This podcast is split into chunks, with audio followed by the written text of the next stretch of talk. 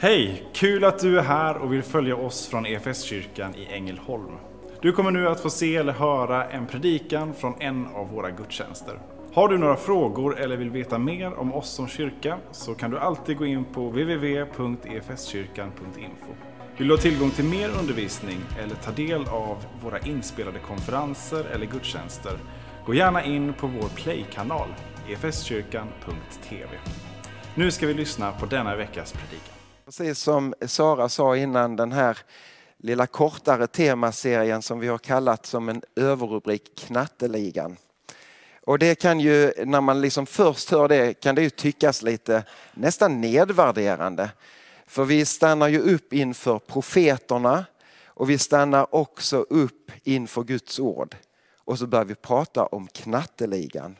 Och vi ska på något sätt beröra, i detta fallet modiga män, som eh, talar ut Guds ord i kanske många gånger väldigt, väldigt ansträngda situationer och i svåra situationer.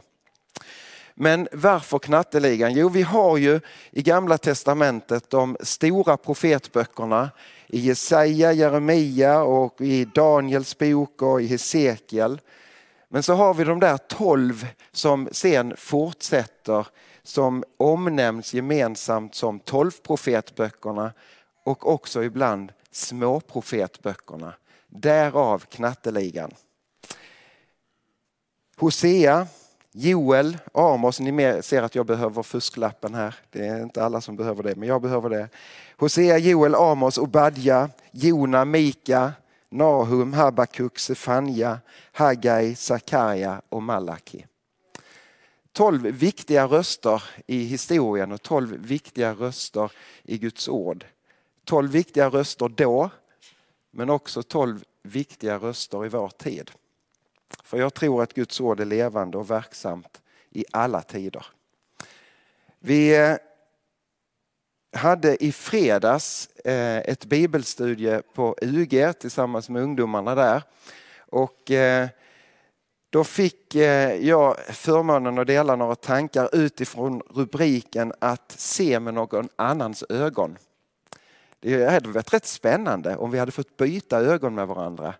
Och eh, kanske någonstans, bara i medmänskliga relationer, att förstå varandra utifrån liksom någon annans perspektiv. Helt plötsligt tror jag vi hade liksom mött varandra med större respekt. Ja, det är därför du känner så här. Du har dina erfarenheter och du har dina upplevelser och du tolkar situationer på det här sättet. Och någon annan hade fått en förståelse för hur jag reagerar eller agerar. Det som vi mynnade ut i, i fredags det var att någonstans begrunda över hur Gud ser på oss eller på vår samtid. Eller hur Jesus ser på oss eller på mig och på vår, min samtid. Vad skulle det göra med oss om vi fick byta ögon med honom?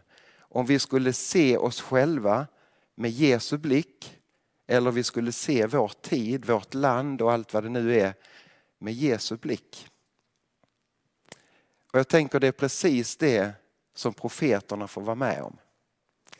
Profeterna de har sina erfarenheter, sina livserfarenheter, sitt känsloliv och sin förståelse över vem de själva är men också sin förståelse över hur, hur liksom landet ligger eller hur man nu ska uttrycka det. Men så får de plötsligt byta blick. De får se med Guds ögon för ett ögonblick. De får se sig själva och de får se sin samtid och kanske både dåtid och framtid med Guds ögon och någonstans i någon mån uppleva det som ligger på Guds hjärta. Förra söndagen så, så inledde vi ju den här knatteligan-serien. Kan man, det är ännu roligare att det är en serie med knatteligan. Eh, förra söndagen så inleddes den då Charlotta Nordström var här och predikade över Hosea bok. Eh, hade du inte möjlighet att eh, vara med här då eller ha tagit del av den gudstjänsten så verkligen uppmuntra dig att gå in på Play-kanalen på vår hemsida och lyssna på den predikan. Eh, hon lägger där en väldigt, väldigt grundlig och men ändå kortfattad historisk bakgrund till situationen vi hamnar i också idag. Så jag tänker jag behöver inte upprepa den utan ta del av den. Eh, mycket, mycket god undervisning. För det är så att när hon talade om Hosea förra, förra veckan och jag idag får beröra några tankar kring Amos bok så är de nästan samtida med varandra. Så de är, hamnar på något sätt i, i samma historiska liksom, situation. Men de talar ändå Guds ord med lite olika perspektiv. Amos, eller Hosea eh, talade både med sina ord men inte minst genom sitt liv och de valen som han kände sig manad att ta, ta, ta när han valde eh, att få gifta sig. Så någonstans så predikade han med ord och med handling och liv om Guds lidande kärlek, lidelsefulla kärlek över folket. När man läser Amos bok, oj, då är det stränga domsord. Det är liksom bara kompakt stränga domsord över Israel men också över alla hedna folken runt omkring Israels land. Jag sprang på Ingrid här i morse. Hon sa, ja, jag har läst Amos, jag läste igenom Amos bok kan du säga. Det var ingen munter läsning va? Nej. Så sa hon hade läst eh, i The Message och hon sa, ja men det, läser man det här det är ju nästan som man bara kan slänga upp en dagstidning över vår tid och läsa samma saker på något sätt.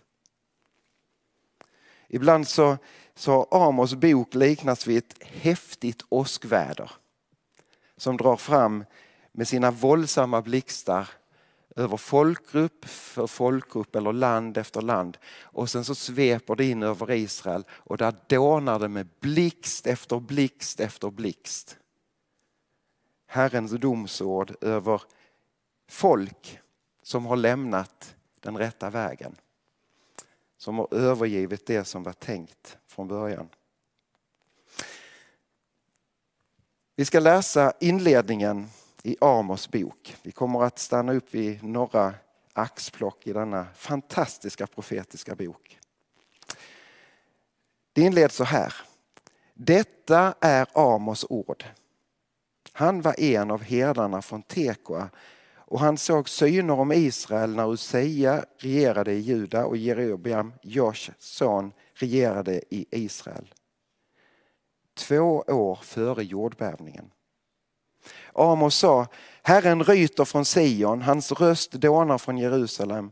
Då vissnar herdarnas marker, då torkar Karmels topp. Amos, en herdeman från Tekoa. Eh, denna lilla stad som ligger cirka två mil söder om Jerusalem. Som ligger cirka en mil utanför Betlehem, bara för att placera det på sin kartbild. Som ligger i Sydriket, i det heliga landet som är uppdelat i Nordriket och Sydriket på den här tiden. Och det är mycket, mycket troligt att Amos han var en herde med ett hedersamt uppdrag. För troligtvis så är här en filial i Tekoa där man eh, vallar fåren som ska föras till Jerusalem och offras i templet. Och hade man ett sådant uppdrag så, så var det nästan som att man fick en liten speciell ställning i samhället. Det var liksom inte vilken herde som helst utan det var herdar som hade hand om de heliga offerdjuren på något sätt. Vi kan också ana och förstå att Amos var en bildad man.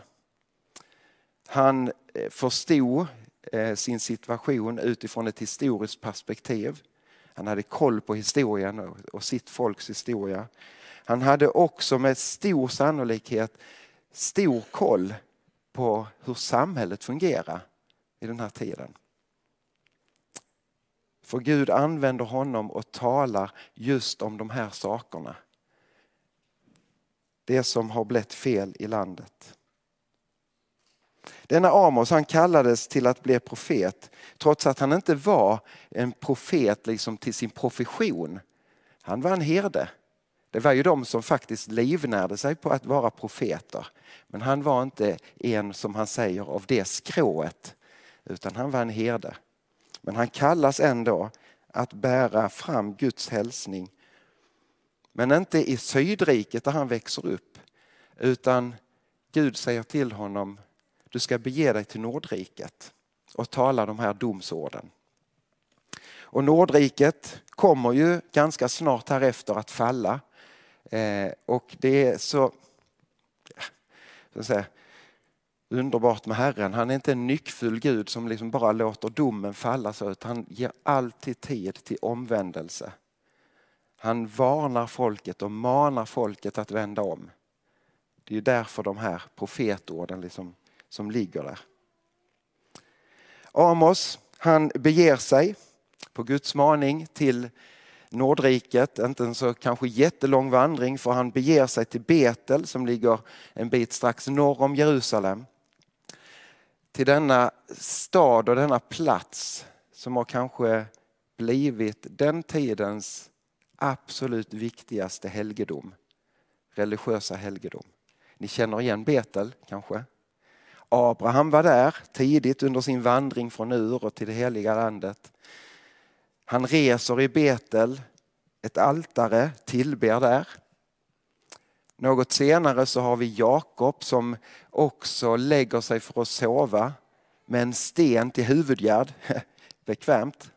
Han ligger där och sover på en sten och får en mäktig dröm där han får se en stege som är upprest mellan himmel och jord och änglarna klättrar upp och ner. När han vaknar så bara säger ah, det här måste vara en helig plats. Och så reser han stenen som ett altare, som en stod, som en minnesbild eller vad säga, en påminnelse om att det här är en helig plats. Och detta blir en helig plats för folk att återvända till för att tillbe och fira sin gudstjänst. Och vid den här tiden när Amos lever så är det inte minst de rika och de övre klasserna som beger sig till Betel för att fira sina högtider och för att liksom på något sätt också fira sin gudstjänst. Men det har gått snett för folket. Så att Gud säger, ni firar falska gudstjänster. När Amos kommer dit så kommer han dit vid en tid då man har en stor skördehögtid och, och folket är samlat där för att någonstans fira och ja, tacka för, för det som de kanske själv har skapat i mångt och mycket.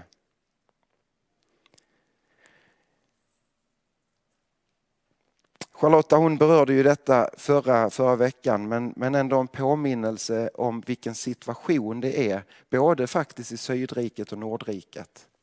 Man har haft en ganska lång tid av alltså, fantastiskt stor framgång både militärt och politiskt.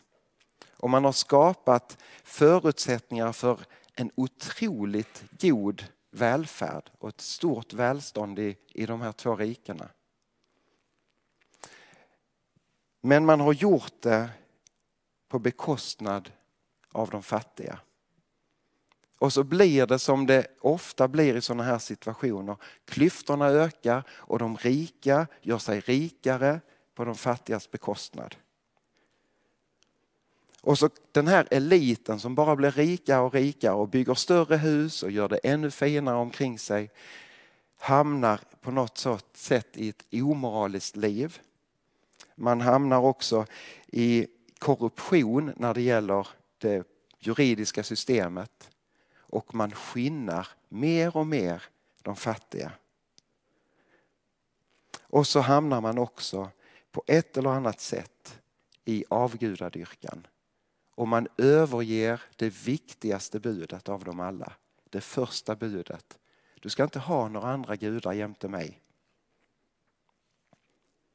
Och så finner de tryggheten i sig själva och det de själva har skapat. Tryggheten i ekonomin, tryggheten i välståndet, tryggheten i flärden och vad det nu kan vara.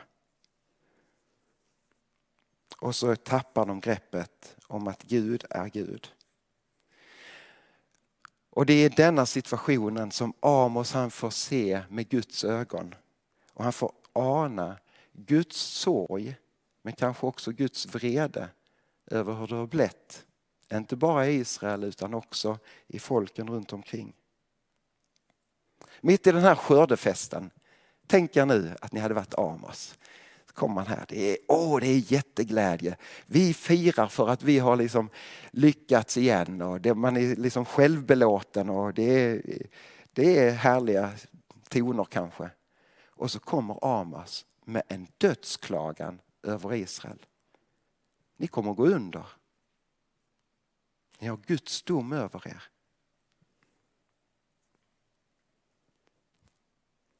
Så här skriver Amos, eller uttrycker Amos sig. Vi hoppar fram till kapitel 2. Detta blir ju ett, ett utdrag ur, ur ett massivt, massiv hälsning. Men vi läser i alla fall de här verserna. Så säger Herren. Brott på brott har Israel hopat. Jag vill inte dröja med domen. De säljer den oskyldige för pengar och den fattiga för ett par skor. De trampar ner de svaga och skuffar undan de hjälplösa. Far och son går till samma kvinna. Så vanärar de mitt heliga namn. Vid alla altaren vräker de sig på kläder som de har fått som pant. Och i sin Guds hus dricker de vin som de har tagit i mät. Ändå var det jag som röjde undan amoreerna för er, fastän de var höga som cedrar och kraftiga som ekar. Jag förstörde dem helt från rot till krona. Ändå var det jag som förde er ut ur Egypten och ledde er i öknen i 40 år och lät er inta amoreernas land.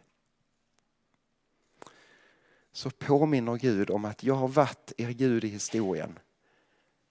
Jag har burit er. Jag har varit mån om er. Men ni har övergett mig och ni gör orätt. Mitt i de här domsorden så är det inte bara ett massivt mörker. En liten, liten strof står där mitt i. Där Herren säger kom till mig så får ni leva. En inbjudan. Vänd om. Kom till mig så får ni leva. Men tror ni att folket ville lyssna? Tror ni att folket ville lyssna? Nej. Istället så anklagas Amos för högförräderi. Att liksom uppvigla folket mot kungen och mot prästerskapet och allt vad de har byggt upp. Och han kommer att utvisas från Nordriket. Läser vi i kapitel 7 så läser vi om hur överste prästen i Betel konfronterar Amos. Vers 10 till 15. Knatteligan låter där ute, härligt. Amasia, överste prästen i Betel, sände bud till kung Jerobiam av Israel. Amos uppviglar folket mot dig. Riket tål inte hans profet, profeterande. Han säger Jerobiam ska dö för svärd och Israel ska föras bort från sitt land. Till Amos sa Amasia, gå din väg sägare, försvinn till Juda, där kan du tjäna ditt bröd med att vara profet. Men här i Betel får du inte längre uppträda som profet. Ty detta är kungens tempel, en rikshelgedom. Amos svarade Amasia, jag är inte profet, jag tillhör inte det skrået, jag håller boskap och odlar fikon. Men Herren tog mig från min jord och sa till mig, träd fram som profet inför mitt folk Israel. Så får Amos bege sig. Men tystnar Amos? Nej, han gör inte det. Han fortsätter att skriva ner de syner som, som Gud låter honom få och på det sättet förmedlar han Guds ord. Och det, det är också så härligt hur han uttrycker det. I, vi får tillbaka här i kapitel 3. Eh, där säger Gud så här. Herren Gud gör aldrig någonting utan att avslöja sina planer för sina tjänare profeterna. Vem kan höra lejonet ryta utan att gripas av skräck? Vem kan höra Herren Gud tala utan att bli hans profet?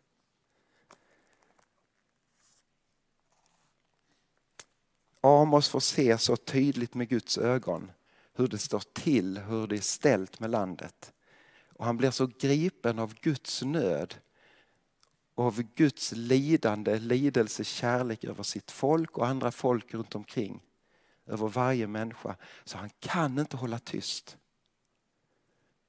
Han klappar inte med oss. Han klappar inte mot oss utan han klappar egentligen bara med Guds hand. Precis som det är. Han kan inte tystna. Och så går det som genom hela Amos bok en hälsning om hur det är en tid av avgudadyrkan, en tid av moraliskt förfall och kanske tydligast en tid av social orättvisa. Ni får inte lov att skinna den fattiga. Ni får inte bygga ett välstånd på bekostnad av andra och så vidare. Och man skulle nog kunna säga att Amos är med, med liksom hästlängders eh, försprång den profet som tydligast för den fattiges talan i förhållande till de mäktiga och de rika. Och frågorna som var angelägna då kanske är lika angelägna idag och har varit under ganska lång tid. Hur länge sedan är det som vi börjar prata om globalt på, på liksom vårt klot om att vi behöver fördela resurserna jämnare? När börjar vi prata om att, att vi lever i en liten del av världen i det absolut toppskiktet när det gäller välstånd? Kanske många gånger på bekostnad av andra. Trots att vi kan skaka till över att det är inflation som skenar och höjda räntor och allt vad det kan vara. Och det som skakar till där kanske många av oss ändå har lagt mycket av vår trygghet. Och då kanske jag inte pratar om alldeles tvunget oss. Vi kan tänka oss som man många gånger ska göra mer som ett kollektiv, som ett land, som ett folk. Var har vi vår trygghet idag? När det skakar så måste vi ändå få komma ihåg med största respekt för att vi har olika förutsättningar. Där är vissa som drabbas direkt mycket hårdare vid en ansträngd ekonomi. Men vi måste ändå komma ihåg att det skakar i en situation där vi har extremt bra ställt. För många i vårt land så handlar den här liksom rädslan av kan jag bara åka på en utlandssemester? För andra så handlar det om hur ska jag få ihop det till hyran och elräkningen och allt vad det kan vara. Men som land ställt så befinner vi oss faktiskt i toppskiktet. En liten del på det här klotet. Och det välståndet som vi åtnjuter vad är det byggt på? Har det varit på bekostnad av andra? Så frågan som Amos ställer till folken då, var har du din trygghet? Är lika angelägen idag. Var har vi vår trygghet som land och som folk?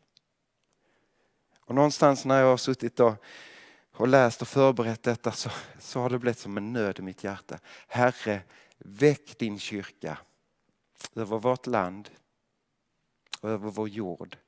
Att vara en profetisk röst och att vi något lite skulle få se med dina ögon hur det är ställt med folket och med landet.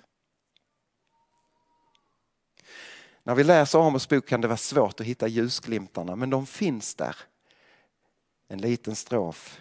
Kom till mig så får ni leva. Och avslutningsvis i Amos bok så, så talar det, trots att det talar om att landet ska gå under och så vidare och stränga domsord, så bryter evangeliet fram. För det talar om att Israel ska upprättas och Davids hydda ska återupprättas. Och där är en profetisk hälsning som pekar fram på Jesus Kristus. Jesus som är hela Bibelns stjärna och kärna lyser också fram i Amos bok. Löften om att Herren ska återupprätta. I fredags så ställde vi oss frågan som sagt, hur skulle Jesus se på mitt liv? Hur skulle Jesus se på vår tid? Kanske, konstaterar vi, så är det kanske med två olika reaktioner. Vi läste då om hur Jesus han rider in i Jerusalem inför påsken då han kommer att dö och uppstå. Och då rider han in och över Olivberget så får han skåda ner över tempelplatsen. En plats som han älskar högt. En stad som han älskar högt. Här är platsen där himmel och jord på ett tydligt sätt möts. Här är en plats där människor ska tillbe Gud i sanning. Så han, när han har varit där som barn så, och föräldrarna har liksom letat, vad blev då? Ja, men jag är i min faders hus, var skulle jag annars vara? Så han har många starka positiva känslor. Ändå när han ser det vid det här tillfället så faller han i djup gråt. Åh, Jerusalem, om du ändå hade förstått vad som ger dig räddning och frihet. När han kommer in i templet så reagerar han starkt på den sociala orättvisa som prästerskapet har liksom börjat bygga upp med offerdjur som säljs till ockerpriser och de skinnar de fattiga. Samma problematik som under Amos tid. Och han rensar ut månglarna ur templet. Och säger, Vad har ni gjort? Detta som är ett bönens hus har ni gjort i ett rövarnäste. Och så gråter Jesus är förtvivlad över den plats som han älskar av hela sitt hjärta. Grät också Herren över tiden på 750-talet före Kristus. Gråter kanske må hända Herren också över vår tid. Kanske också ibland över mitt liv.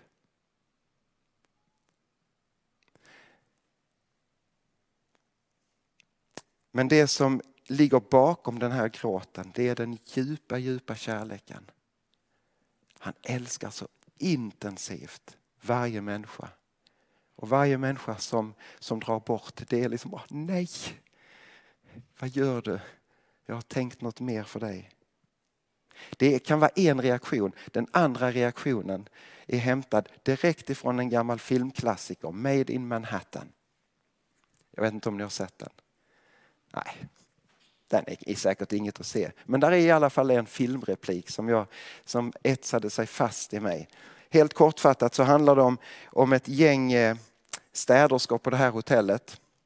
Och när, när de kommer till sitt jobb så passerar de en liten lucka där det sitter en, en härlig gubbe inne och, och säger god morgon och när de går hem på kvällen så här god kväll och så vidare. Så. Inne i det här rummet så ser man det är fullt av tv-apparater där han kan följa allt som händer på hotellet. Och så vid ett tillfälle så kommer en av städerskorna förbi och så lutar han ut sitt lilla huvud och säger Alltså, vad kallar ni mig? Så svarar Vi kallar dig Gud. För du ser allting, men du ler ändå. Jag tänker wow. Sån, sån tänker jag Herren är. Han ser allt. Han ser rakt igenom. Men han ler ändå. För han älskar.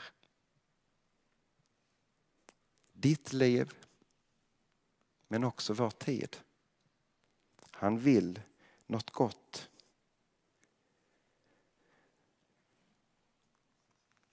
I tron på honom och i tron på honom så är du, är du helt omsluten. I dopet så har du fått dö och uppstå med honom. Så när vi går ifrån från dopet så är vi helt omslutna av Jesus Kristus. Vill du ta emot det tro så är det en sanning i ditt liv. Så om vi skulle få se oss själva med Guds ögon, vad skulle vi då få se? Jo, vi skulle få se Jesus. Han som gör dig fullkomligt ren, rättfärdiggjord och heliggjord. Och så säger du, Nej, men det, är just, det är mycket som skaver i mitt liv, det blir ju fel gång på gång. Ja, så är det för oss alla. Men faktum kvarstår att Guds löften över ditt liv är sådan att du är omsluten av honom. I tron på hans död och uppståndelse så är vi förlåtna och fullkomligt fria. Så skulle vi byta blick med Gud och se på oss själva. Wow! Vi skulle få se ett underbart lamm som har gett sitt liv för hela världen.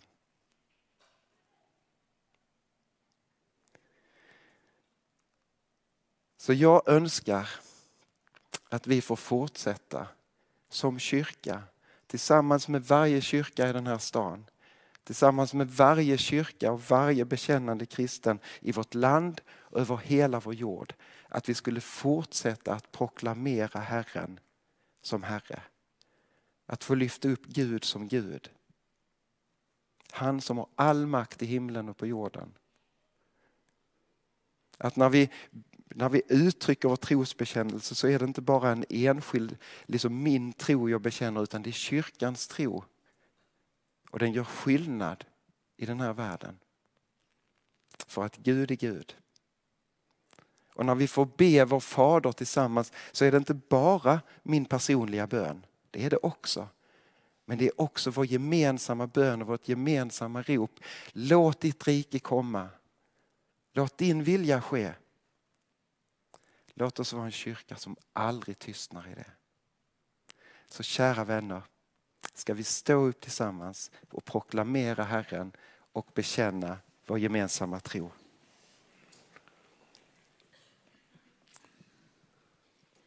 Vi tror på Gud Fader allsmäktig, himmelens och jordens skapare.